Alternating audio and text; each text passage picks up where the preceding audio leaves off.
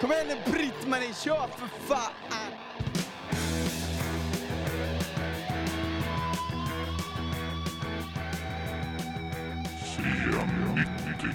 Då eh, kör vi vidare med eh, ett nytt avsnitt. Men vi har samma gäster som i Thin Lizzy-podden av en händelse.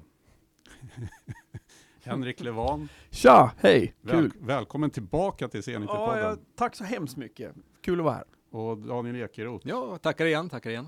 jättekul att ni är med igen. Eh, Mm. Nu ska vi ju gå över till, till en annan, från Lizzy till en annan storhet, Horndal. Mm.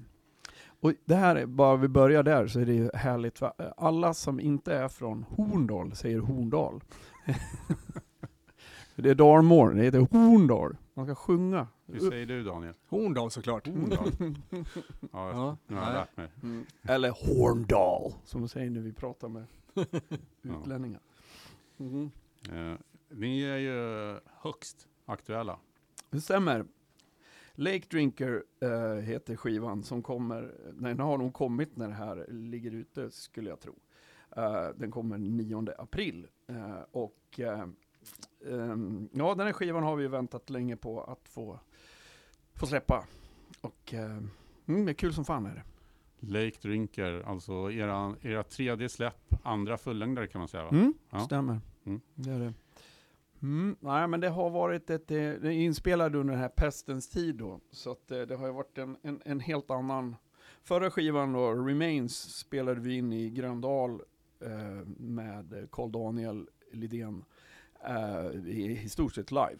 Alltså vi, vi, och det var ju, det är ju så man vill göra för att det ska låta organiskt och spelat. Men nu fick vi göra lite annorlunda då. Eh, vår producent Carl Daniel har, eh, eh, ja, eh, av, av, av olika hälsoskäl så kunde vi inte vara alla i studion. Det här var precis i början, eh, vad var det, april 2020. Så då åkte Pontus dit själv, min bror då som spelar trummor, och eh, spelade till sina jävligt fula garagebands eh, bakgrunder som han skriver musiken på. Eh, han är bra på att skriva låtar, men själva inspelningen eh, lämnar över att önska. Men den, den, vad den hade var att den hade alla låtar i, i delar och eh, så la han trummor där och sen har vi fått spela eh, in resten på eh, ja, olika ställen. Ja. Mm. Om du skulle jämföra då med Remains, har ni tagit något steg någonstans eller? Ja, alltså det har vi faktiskt gjort. Det är väl dels så att om man, om man ska prata om den här storyn då, så, alltså, ho, låtarna i, i Horndal handlar om Horndal och nedläggningen av järnverket 77 och vad som hände med, med, med byn efter det. Uh, men den här skivan bli, tittar ju mer på vad som händer nu. För det händer en hel del saker, vi bara pratar om, börjar prata om texter, det som folk bryr sig minst om, men vi gör det ändå. Um, det är ju så, eh, för de som vet det, att eh, det finns ett stort amerikanskt techbolag som man kan googla med, eh, som planerar att bygga stora serverhallar i Horndal. De har köpt mark, rivit ner en massa skog, så det är stora kalhyggen norr om byn och just nu så pågår det förhandlingar där de vill använda sjön Rossen som kylmedia, för det blir jävligt varmt i de där. Och då vill de helt enkelt skicka in eh, det svala vattnet genom serverhallen och skicka ut det varmt igen i sjön. Och det där är det inte alls. Och det där tyckte vi var, nu har vi ju... Först blev vi ju jävligt deppiga här nu, för vi gör ju musik som är, liksom, temat är mörkt. Eh, Att fan ska det börja gå bra för Horndal nu? Det var inte riktigt vad vi hade tänkt oss. Vad ska vi skriva om? Ja, tills vi fattar att liksom det är Google och det här är ju det är ett av världens fan mer onda företag. De har ju en devis som är Don't be evil, som de säger till varandra internt. Och har man en sån devis, då kan man ju fan inte vara ett gott företag. Att man måste säga det till varandra. Mm. Så vi insåg helt enkelt att det är, liksom, det är en ny djävul i byn. Mm. Eh, och det blev temat. Och Lake Drinker är helt enkelt Google.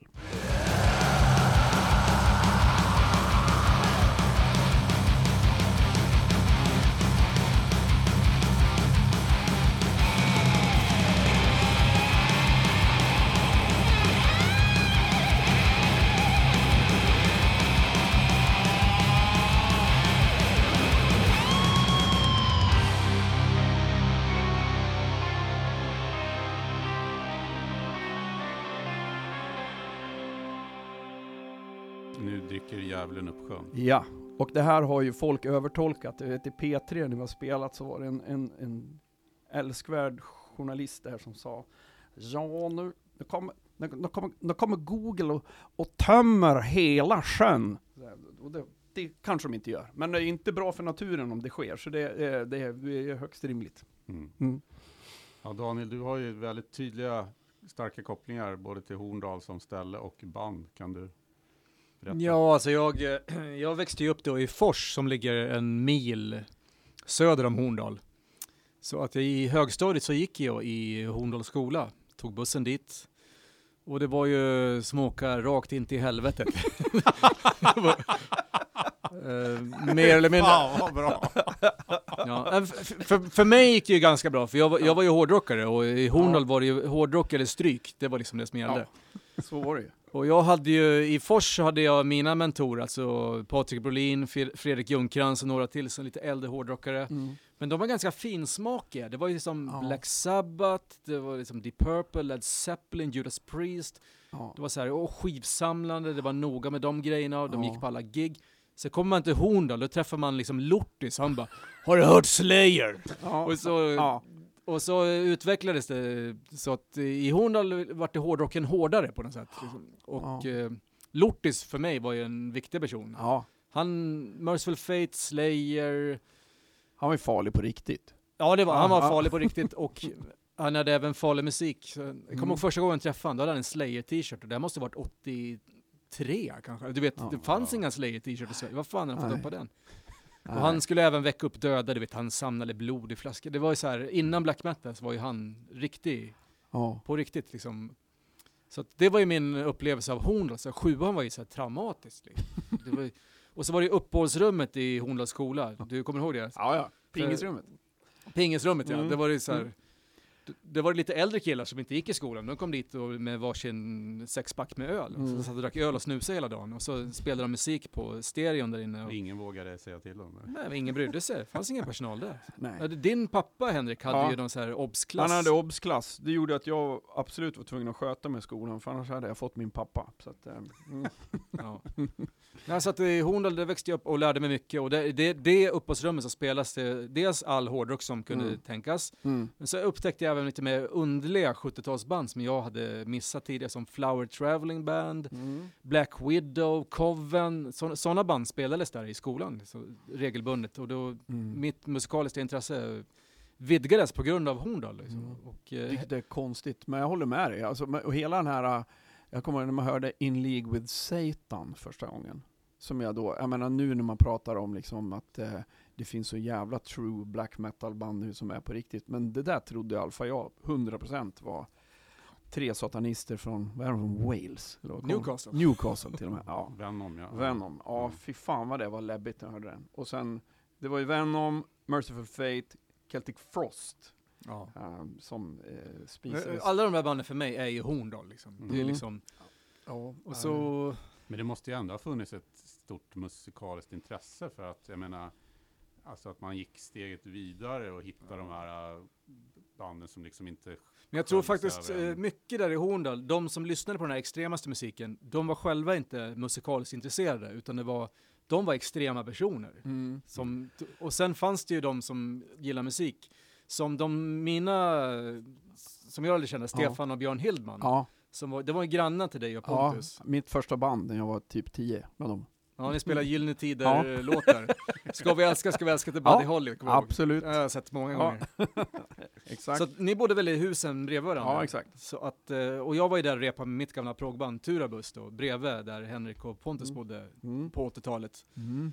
Så att eh, min koppling till Horndal, eh, där både musikaliskt och alltså, uppväxtmässigt så, Ja, men verkligen. Men vi har ju stött på varandra. Jag minns ju, eh, du spelade ju en del punk va? ja jag spelade mycket punk på Ja. 80-talet och mina första spelningar det var ju Horndals skola. Vad är det här för låt? Jag har sånt jävla konstigt minne. Jag, det här är kanske en 85 eller så. För vi sa till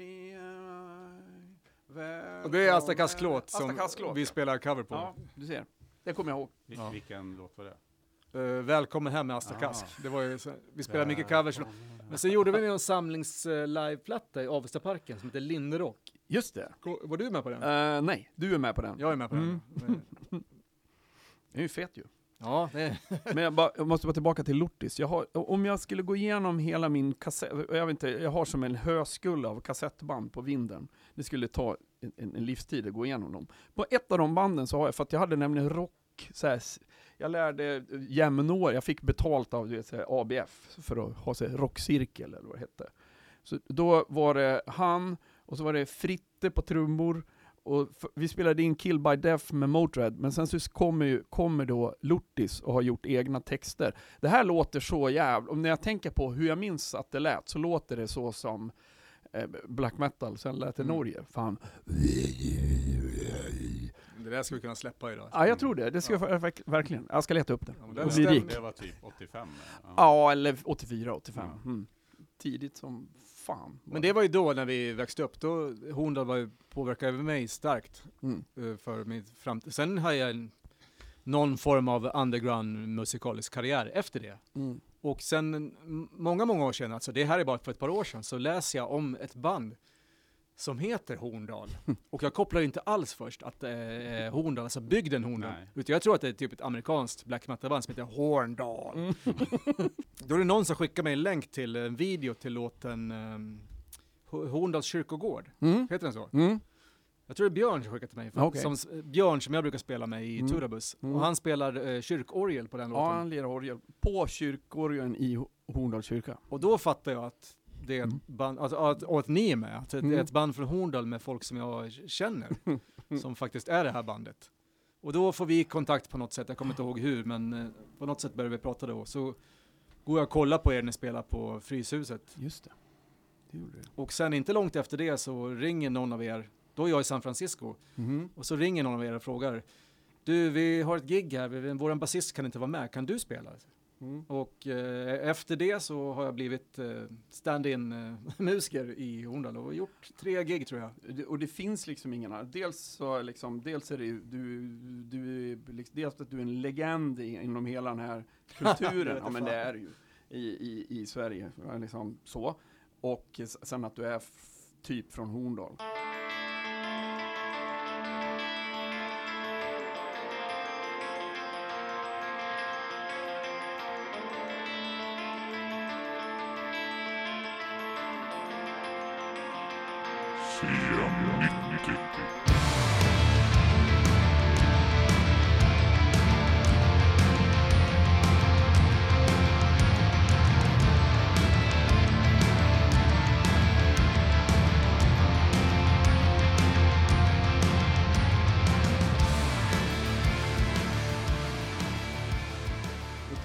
Vi öppnade ju en, för, man kunde lyssna på, förlys, förlyssna på skivan.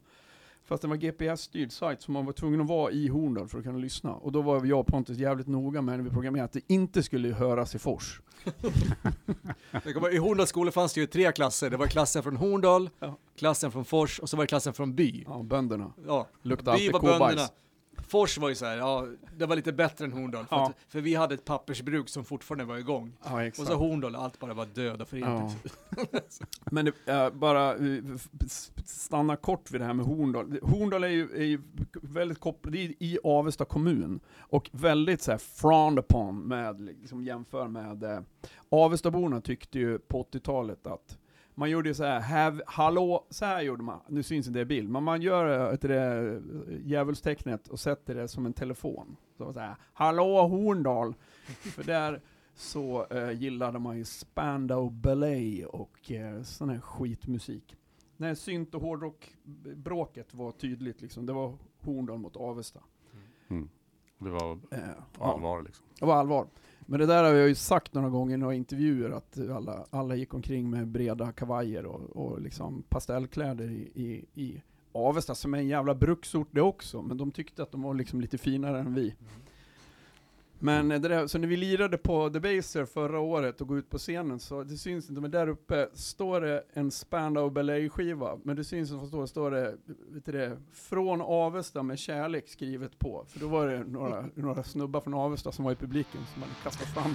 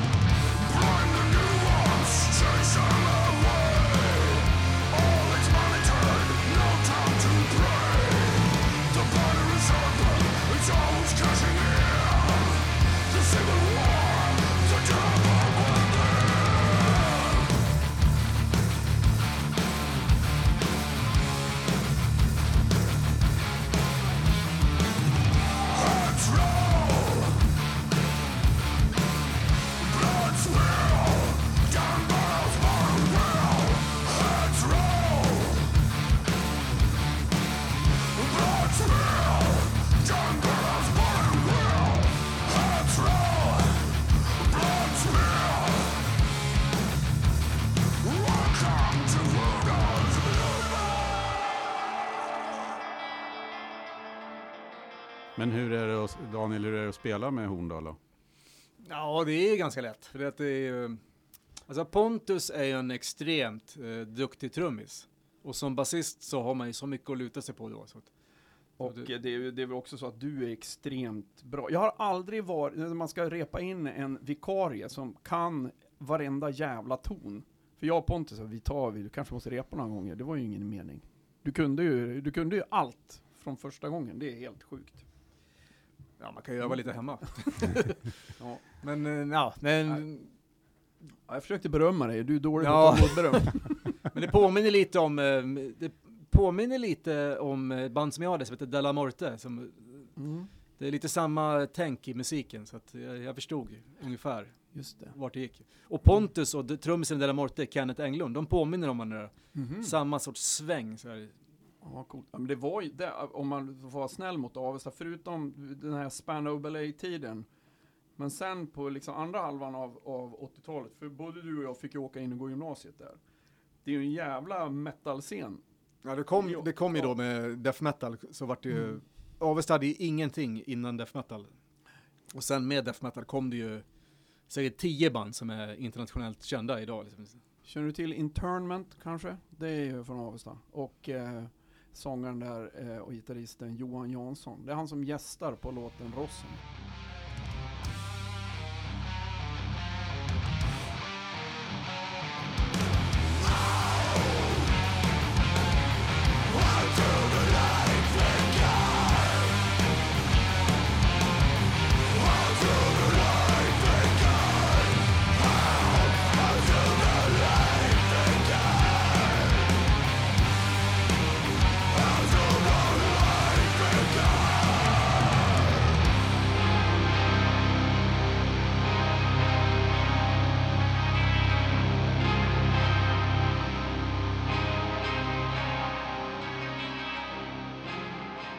Ju gitarr då i Della Morte, mitt gamla band. Alla varit med allt. Ja. Ja. Och sen har du ju Uncanny, Mm. alltså det finns så många band. Så det, Hatred, de var ju från Hedemora från början. Men Sadistic Gang Rape, tjejband. Ja, Fruktansvärt bra band. ja, så jävla bra. Och så, ah, Ja, Det var en stor grej då. Ja, Rossen är en av låtarna som jag hört. Sen har jag även hört Horndals blodbad. Ja, just det. Precis. Som ni har släppt båda lite tidigare va? De har kommit lite tidigare, precis. Och den låten, eh, Horndals blodbad, är ju den, den sticker väl lite ut med liksom lite så här twangig gitarr och vibrafon. Det är Mhm. nämligen, eh, under den här pestens tid som vi pratade om så ha, var ju typ näst, alla, alla musiker i hela världen var ju tillgängliga plötsligt. Så att eh, Pelle Jakobsson, en gammal kompis som spelar i Radiosymfonikerna, bara har du tid? Ja, jag har ju mycket tid som helst. Så att, eh, så att eh, allt slagverk, ja, han spelar vibrafon, glockenspiel, så här tubular bells, så här, och eh, även städ. Ett, ett, ett lite ovanligt... Anvil. Anvil ja. Just det. Även thai-gång som jag inte ens visste fanns. Men, men som sagt, vi städade lite det där. Så det finns då på, på Horndals blodbad-låten. Som, som eh, handlar, eh, ganska mörkt, handlar om vad som händer, och det här är ju inte bara Horndal, liksom, vad som händer med solidariteten i världen eh, framförallt och skillnaden mellan stad och landsbygd, där allting urbaniseras. Jag menar, när vi när, hon, när jag var liten så fanns det ju tre mataffärer och tre banker och eh, kaféer och eh, klädbutiker och sånt där i Horndal. Och idag är det ju, när vi var små, eller gick i skolan Mm. där, då var det i alla fall två butiker. Men nu är det bara en affär och en Man mack. kan jämföra med Fors då, stängt. alltså eh, Horndals södra förort. Mm. Vi hade ju också banker, två post, vi Ja. hade två mataffärer, vi hade ungdomsgård, vi hade så automat, vi hade flipperspel, korvkiosk. Ja. Idag är allt borta. Finns Mm. en mataffär, that's it. Mm. Och så fanns det bryggeri i Fors, det är lagt Ja, ner nu. Ja, ja. Men kartongfabriken finns kvar, det är det som håller Fors vid liv. När den lägger ner, då är. Fors slut. Liksom. Men det är lite som Bollstabruk, eh, som är eh, en ort som vi, vi, vi rapar upp en massa orter på en av låtarna på skivan som heter Ror. Eh, eh, där, eh, och nu ska vi se, vad fan heter han? Tecknaren som har skrivit en serieroman som heter Nya Norrland, som gjorde skitbra serieromaner på, eh, om 90-talet. Pinsamt att jag inte kommer på vad han heter just nu. Eh, det kommer snart. Eh, han, är fall, han är från Bollstabruk som handlar precis om det där. En hel serieroman om att nu är det bara liksom krossade rutor och stängt. Mm. Och det där är farligt, tror jag, med eh, vad som ska hända. Det är, här, jag menar, det är ju vad som, Kapitolium, hela grejen, Qanon, allt det här som händer i världen är ju ett resultat av det här. Och eh, det tror jag är farligt i längden. Mm. Det var när, i somras, då var jag, min pappa fyllde år. Då var Mm. jag hemma hos honom i, i Fors. Och vi gick runt där eh, på byn och tittade på allt som var nedstängt. Jag tänkte, fan, allt är borta. Och sen tittade jag ner på marken. Då ligger ett gammalt sånt här, du vet, blandband, kassett, kassettband. Som någon har spelat in som är skrynkligt och sönderregnat och bara Mm. flyger i vinden. Tar jag upp det. Då är det Morbid Angel och Massacre. Och jag bara, är det här mitt gamla band? som flyger omkring här. Jag har en bild på det i telefonen. Det är liksom, Fan det var så här magiskt ögonblick. Symbolik. Att liksom, Otroligt. det är dött här nu, men Ja. resten av det gamla flyger omkring. Ja, ja men det är ju helt uh, sjukt vad kul. Ja. Men eh, musikaliskt då? Eh, du pratade om texterna förut, men Ja, eh, precis. Fan, vi kom aldrig dit. Nej, men musikaliskt så har det ju också blivit, alltså, första skivan var ju bara gjord på 100% energi, där vi liksom bara gick in och gastade in de där låtarna under ett par dagar. Nu har vi ju haft tid på oss, eh, eh, så att det har ju, och det, det tror jag hörs. Eh, Vi har eh, försökt Eh, utvecklar... det är ju en mer dynamisk skiva skulle jag vilja påstå, med eh, andra partier som man kanske inte hade väntat sig. Eh, och lite annorlunda instrumentering på sina håll. Vi har också jobb, det liksom, jag är inte diagnostiserad med någon, med någon åkomma, men jag är sjukt otålig. Så jag gillar egentligen punklåtar, där det börjar med versen när man börjar sjunga. Max ett riff. Men nu, alltså på några låtar är det, så, är det intron som jag liksom, nu tycker jag om det, men jag tycker det var jävligt stressande när vi höll på med det. Fan, vad- kan inte låten börja någon gång?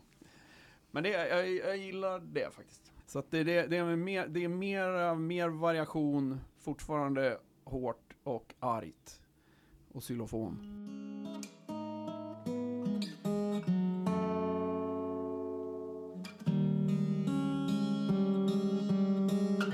Ja, första händelsen det var ju att man la ner sågen. De ha demonstration i Horndal. Så då byggde man en eh, kista på sågen i svart. Och gjorde ett demonstrationståg från sågen ner till Trekanten där man hade en manifestation. Det var där det började. Sen någon vecka efteråt då får, får vi besked om att bruket även ska läggas ner. Och då brast det hela samhället alltså. Därför var droppen som fick hur tänker ni nu då?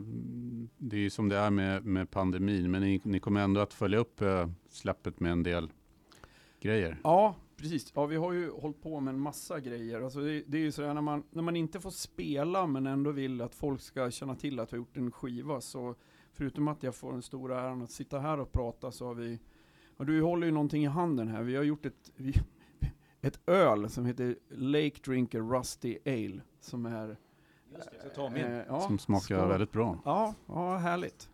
Bryggt på vatten från Rossen eh, och eh, så. Den får vi ju inte sälja då, men eh, eh, om, man, om, man, om man hör av sig till rätt person så kanske man kan få eh, möjlighet. Vi får se. Eh, så det har vi gjort och sen så har vi, eh, vi öppnat den här sajten som jag pratade om där man kunde lyssna på skivan. Eh, sen har vi haft eh, eh, det blir så mycket konstiga saker som jag, i och med att det här bandet handlar ju mycket om den här historien. Så vi liksom, och då poppar det ju upp en massa saker som man inte visste om. Bland annat så fick vi veta att det finns en man som heter Anders Eriksson, kallas Buffalo, som eh, 1977 när järnverket, det var under, sam, under två veckors period så fick Hornborgasjön veta, för först var det en såg ner som var ganska många var anställda på. Då byggde man, apropå att vi kommer från heavy metal, liksom en metalbygd, eh, då byggde man en stor svart kista av dörrarna från fabriken och gick ett stort sorgetåg genom byn. Eh, och veckan efter så fick man veta att bruket skulle lägga ner. Då blev folk så jävla förbannade så att eh, samma vecka var Torbjörn Fälldin i Avesta och skulle hålla något tal för några Dala centerpartister. Då åkte, det var liksom helt oorganiserat. Folk bara spikade ihop plakat som de fäste på huven på bilen och bara åkte ner och så stod de och skrek utanför eh, lokalen där han var.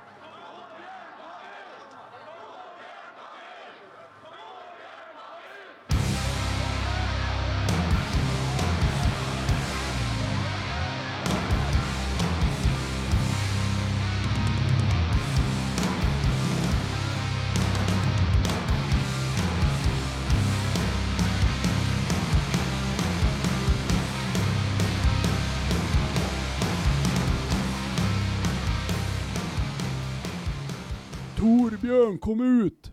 Och det här hittade vi i en dokumentär om Torbjörn Fälldin, där det, där det står, de och bara står och Det skriker. var faktiskt jag som fixade fram det. Ja just ja, det gjorde du ju. Ja det var ett jävla pyssel. Hur gjorde du det? Ah, vi är en bekant som jobbar på SVT helt enkelt. Ja. Ja, det var, var fantastiskt. Eh, eh, Så eh, det här, eh, och, och då fick vi veta, i det här klippet så står det en kille som ser så jävla cool ut. Han har liksom en midjekort, vinröd skinnpaj, han har alltså här och sådana här glasögon som mörknar i ljuset, om ni förstår. Eh, och så st- står han och vrålar så här. Och så fick jag höra om min pappa en story, som, så jag kontaktade honom när han berättade den. Det var nämligen så att Rapport var där och eh, då eh, så säger de, vi vill du göra en intervju med dig och sen så säger han okej då, så tar de med honom innanför dörrarna där eh, Torbjörn Fälldin håller sitt tal. Då kommer Säpo och tar honom och hans polare och eh, stänger in dem i, i, och håller ett förhör i två timmar med dem. Och eh, veckan efter får, de brev, får han brev ifrån Säpo där det står att de har dragit in hans pass i tio år för att han är en fara för rikets säkerhet. alltså, och det här är ju tre år efter IB. Det är helt sjukt. Så det är apropå saker vi har hållit på med här kring skivan så har vi gjort ehm, en liten kort dokumentär om, om det här som Ja. vi släpper snart.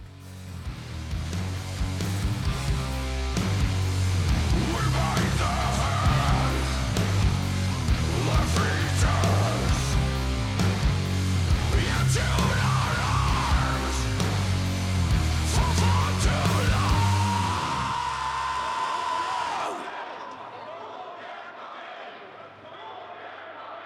ja, sen så gör vi nu, en, och det kanske är i höjd med att det här släpps möjligtvis då, eh, så gör vi en eh, livestream i Horndal, i, den här aulan där du och jag har spelat mycket nu och unga. Ja, det var ju mina första spelningar Ja. överhuvudtaget. Var ju där.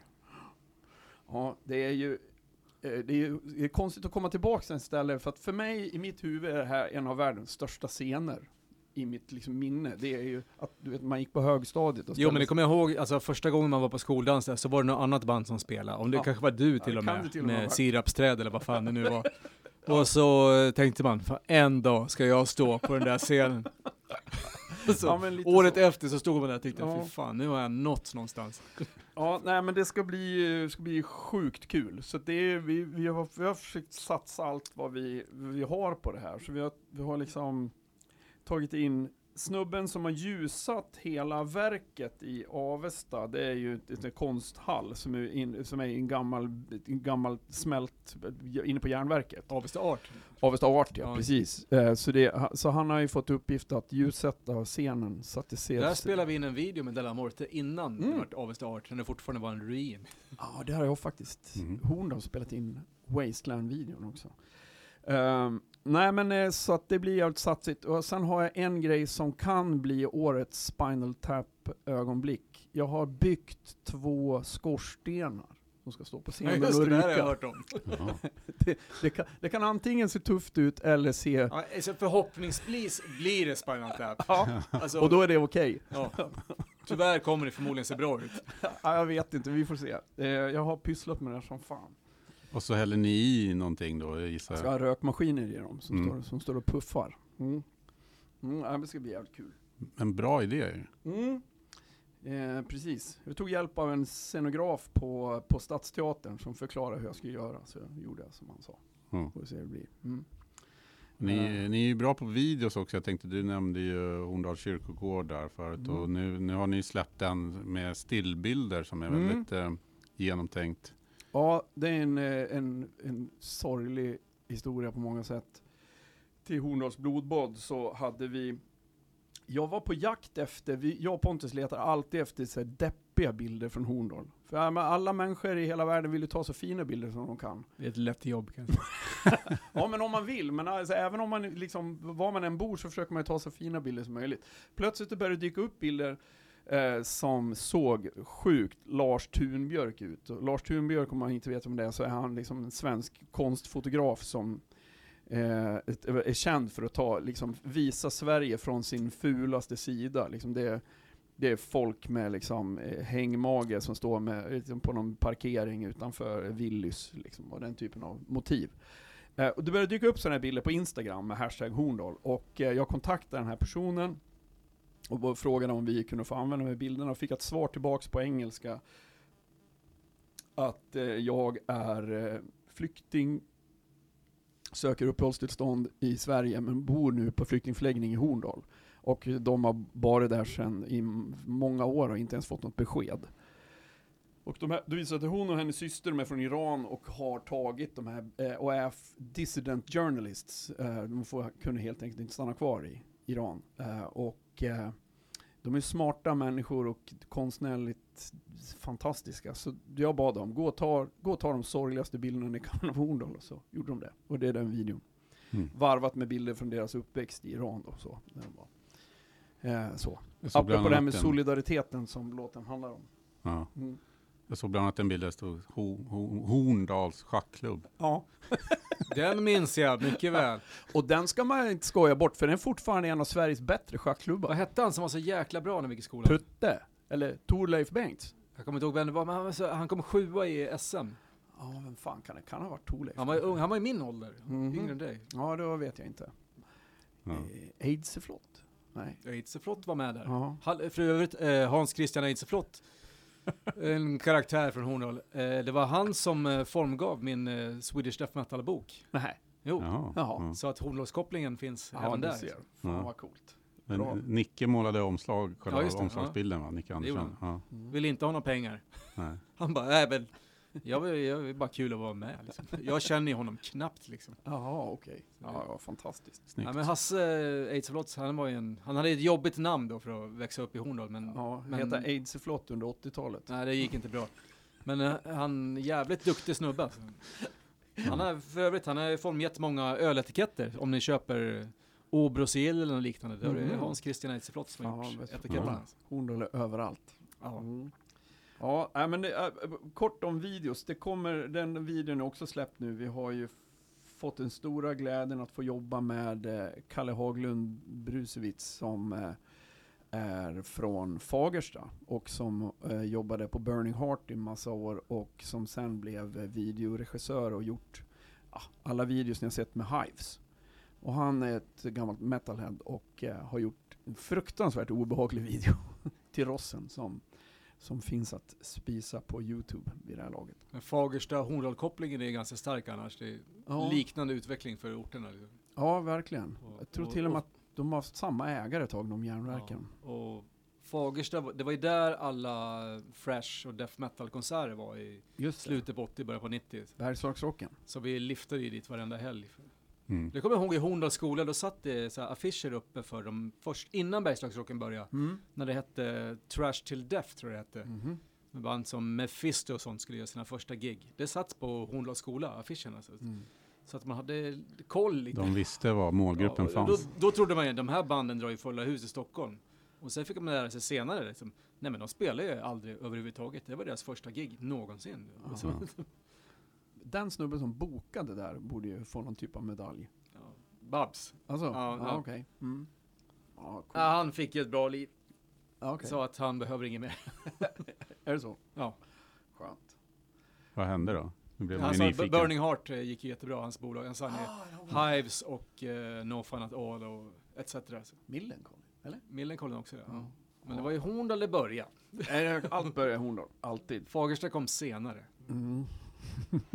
Men det, som jag har fattat det, i Horndal så är, är man väldigt, även om det är deppiga bilder och Mm. liksom i, det är ingen förskönande beskrivning så är det väldigt positivt. Ja, Inställt till eh, er. Alltså det, de, vi pratar med tycker att det är jättekul. Ja, jag har hört via, via andra kompisar som vår gemensamma vän Björn som hade haft Horndal t-shirt på sig. Vi har den här loggan med liksom ett upp och nervänt dödskalle med eh, tänderna är eh, Skorstenar. skorstenar och sådär. Ja. Och då var det någon gammal gubbe, men sluta och hålla på med det där ni håller på med. Sådär. Så det finns nog säkert bo, både och. eh, Så. Så hon har försökt leva vidare. Äh, Jag kommer ihåg, jag samlade på VHS-film, alltså gammal eh, hyrvideokassett. Mm. Det fanns ett ställe i Horndal som hette E- Eklunds, hette det så? Ek, eh, Eklunds radio och TV? Ja, Ja. så var jag där så här ganska sent liksom. I, i min, mitt samlande tänkte jag, Eklunds, undrar om de fortfarande har kvar kassetter som man kan köpa. Så åkte jag dit Ja. och hälsade på Björn och sen bara Ja. gick jag dit och så mycket riktigt, de hade ju kvar alla jävla kassetter i butiken. Och så Perfekt. Och så bara plockade jag på mig ett par, så bara, vill du ha för de här? Ja, det kostar ju då 40 spänn per dygn och jag, då började jag förklara för honom, hej, hej, när hyrde du ut en film senast? och då började han tänka, nej det var många år sedan, ja, kan jag få köpa de här för det priset? Han ja okej då, det, det är är inte köpa mycket. en film för en daghyra. Ja, 40 spänn styck. Och så sa han det, det är inte mycket business här längre. Ja, det- Och det här var typ 95, 96 där någonstans. Ja, liksom man försökte driva vidare sin Mm. gamla videouthyrarbusiness, men det gick inte. Och så hade han fortfarande, i den här skiv, han hade en skivback också.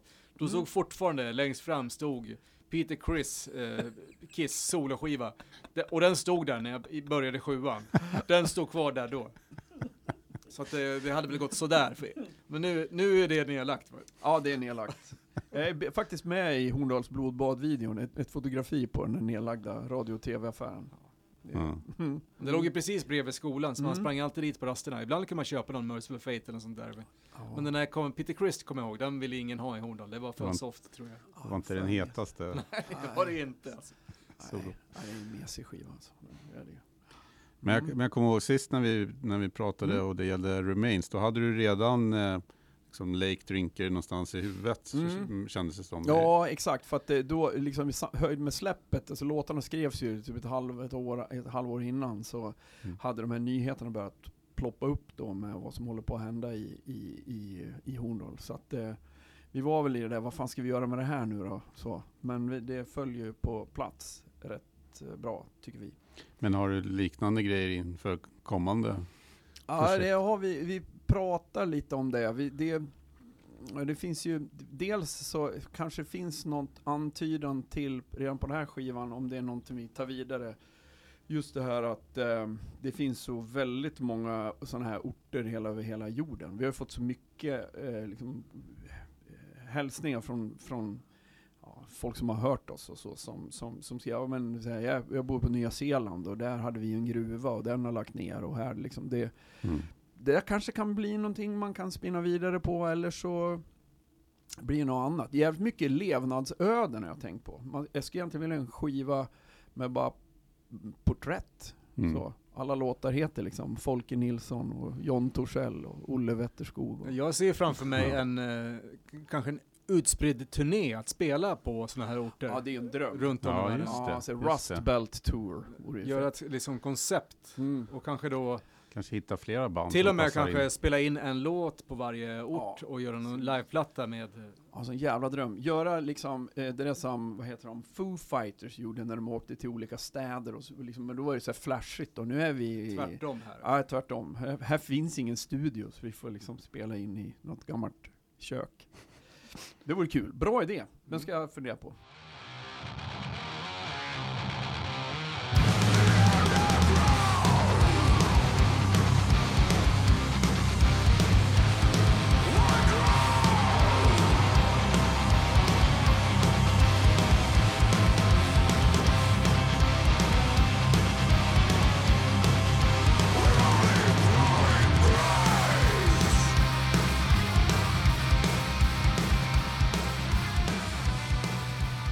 Annars, det, det jag blev mest imponerad av eh, när jag hörde talas om Horndal först och fick reda på vilka de var, det var att de hade varit och spelat in eh, hos eh, Steve Albini, som är en av mina absolut största idoler. Första EPn där. Ja, jag tänkte att, vadå, kan man bara boka en tid och åka från Sverige och spela in där? För mig var det helt så här. varför inte jag tänkt på det? ja, nej men det var ju faktiskt, eh, det är ju precis så enkelt nu för tiden. Eh, så, vi hade kollat upp det där, så det blev ju som en, eh, en riktig liksom, gubbcharterresa. Liksom, vi åkte ju över, och vi fanns ju knappt då. Vi hade ju bara, det vore kul att spela in med Steve Albini, det började ju där. Och sen så, tror det kommer väl ta ett, ett år innan han svarar, och så svarar de, jag har ett hål om typ två månader, kan ni komma då? Och då var det bara, okej vi gör låtar och börjar spela. Och så eh, körde vi. För mig sa det så mycket om ambitionen med det här bandet. Att, så när de frågade mig om, vill du vara med och spela på några gig? Då var det, ja, självklart. då, då gäller det att vara förberedd, för att jag antog att ni var förberedda då. Alltså. Ja, alltså det var, det var vi, för vi, alltså åka till Steve Albino var inte, var- för det var det enda han sa. Liksom, kan sp- spela, kan, ni måste kunna låtarna. För att han spelade in på rullband. Och det hade ju inte man gjort på typ 10-15 år liksom. Så det var ju fruktansvärt nervöst, det här med att man inte kan spela fel och ändra i liksom, datorn kan man ju sitta och fuska hur mycket som helst. Men, eh, så det var ju inga click tracks och ingenting och bara liksom räkna till fyra och spela. Det var kul som fan. Eh, men vi, vet du, han berättar ju kul för eh, det är ju ett till, det är två svenska band till som jag vet som har spelat in med, du kanske kan komma på fler. Men det är ju Union Carbide, gjorde ju sin sista skiva i, i Swing. Swing. Ja, precis. Och sen ett, vad fan heter de nu då? Det är Cecilia Nordlund heter hon som sjöng va? 90-talsband som jag snart kommer på, lite så här indie grunge. Eh, och då var, men då åkte han, jag kommer att komma på det snart, då åkte, då åkte han från Chicago till Sverige. Och då, Nej, det är, gills inte. Nej, det men det är ändå kul, för han bara "Uh, We went to that studio owned by a polka band. Du förstår att det var ju som en dansbandstudio. Ja, ja, ja. Han visste ju inte vad dansband var. Så bara, It was some kind of polka band. Mm. Souls heter de. Där kom det. Ja. Ringer inga klockor. Jo, ja, jag minns dem. ja. Ja, det var en jävla Men upplevelse. det, det är någonting som faktiskt eh, jag kan säga att det är väldigt få band som har suttit på nu som klarar av att gå in i en studio och spela in sin skiva live. Mm. Det är en, Mm. en svunnen tid och det, det var det som tilltalade mig med Horndal från början. Att det, det här är ett riktigt band som Mm. går in och kör in det de ska och sen är det klart. Mm. Det är inte bara att skicka filer till varandra liksom. Nej. Nej, och det, det vill vi verkligen tillbaka till och det, så måste det bli. Ja. Och det märktes när, man, när vi gjorde vårt första rep. Liksom. Det var ju, jag märkte att ni var ju inte inrepade alls. Nej. Ni bara körde på känsla liksom. Mm. Och sen tänkte jag, det kommer jag liksom ha liksom nött in låtarna och liksom Åh, Okej, här- det gäller bara att glömma det jag nött in. Här, här gäller det att köra på feeling. Det är Pontus bestämmer, för han spelar trummor. Ja, Och alla följer honom. Och det, ja. det, det är något magiskt med det. Och det, det det måste ju bli en helt annan grej liksom. Ja, Ja, men då måste man ju tillåta sig att eh, liksom, tempot kan svaja med några BPM fram och tillbaka. Ibland så kan det faktiskt vara musikaliska poänger med att tempot sjunker och höjs. För det är, liksom, det är ju en del, i precis som man kan spela starkt och svagt så kan man spela snabbt och långsamt. Men det går ju inte om du sitter och spelar in i en dator. Liksom. Så att, eh, då måste man ju Ja, bara... men lyssna på gamla Black Sabbath-plattor. Det är ju så otajt så det Ja. liknar ingenting. Till och med ostämt. Ja, men det är, men det är perfekt. Liksom. Mm. Ja. Ja, det är ju Så helt det, det kände jag. Det här, är, det här är ett riktigt band. Det är ingen, ingen fake. Mm. Ja, så ska det vara. Den, den sista spelningen som jag såg innan pesten som du säger, Mm. det var ju er spelning tillsammans med Bombus på, Ja, var du där? ja, på Debaser Ja, det Hornstull. var jävligt kul. Sen ni hann väl göra någon till den helgen? Ja, precis. Vi åkte till Göteborg med Bombus och Mm. spelade på Pustervik också. Sen stängde det ju ganska snart efter, Ja. efter det där. Men, Ja, det var nog det sista vi gjorde.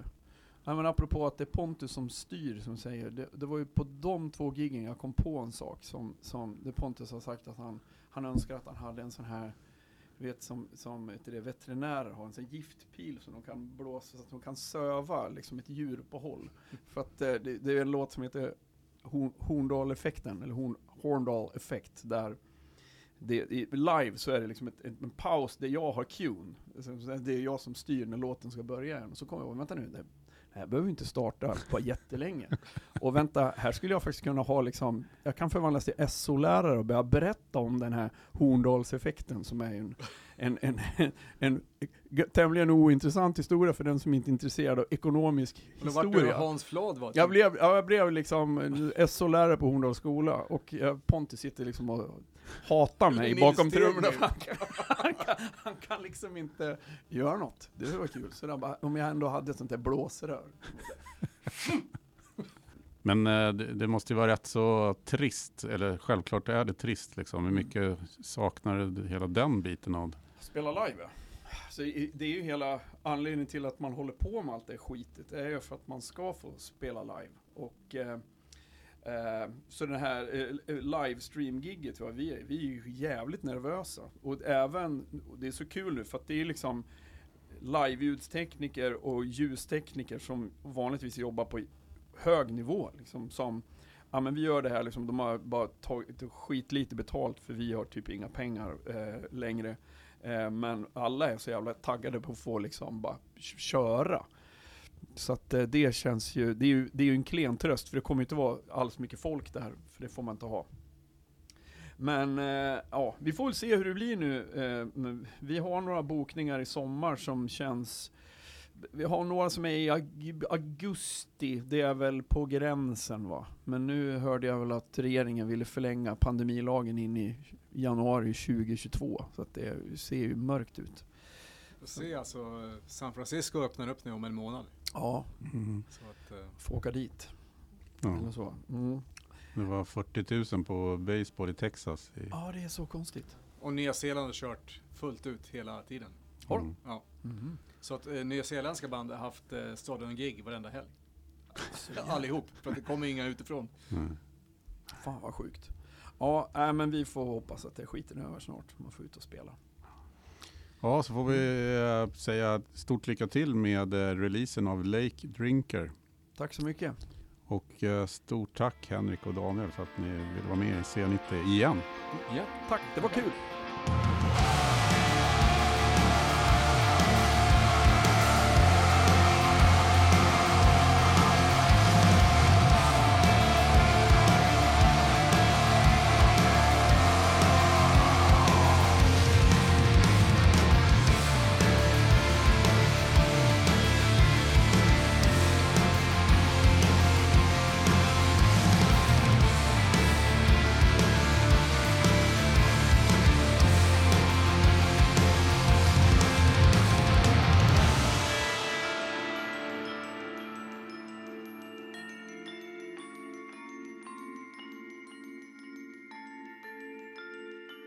Heter David Bogerius och du har lyssnat på C90-podden.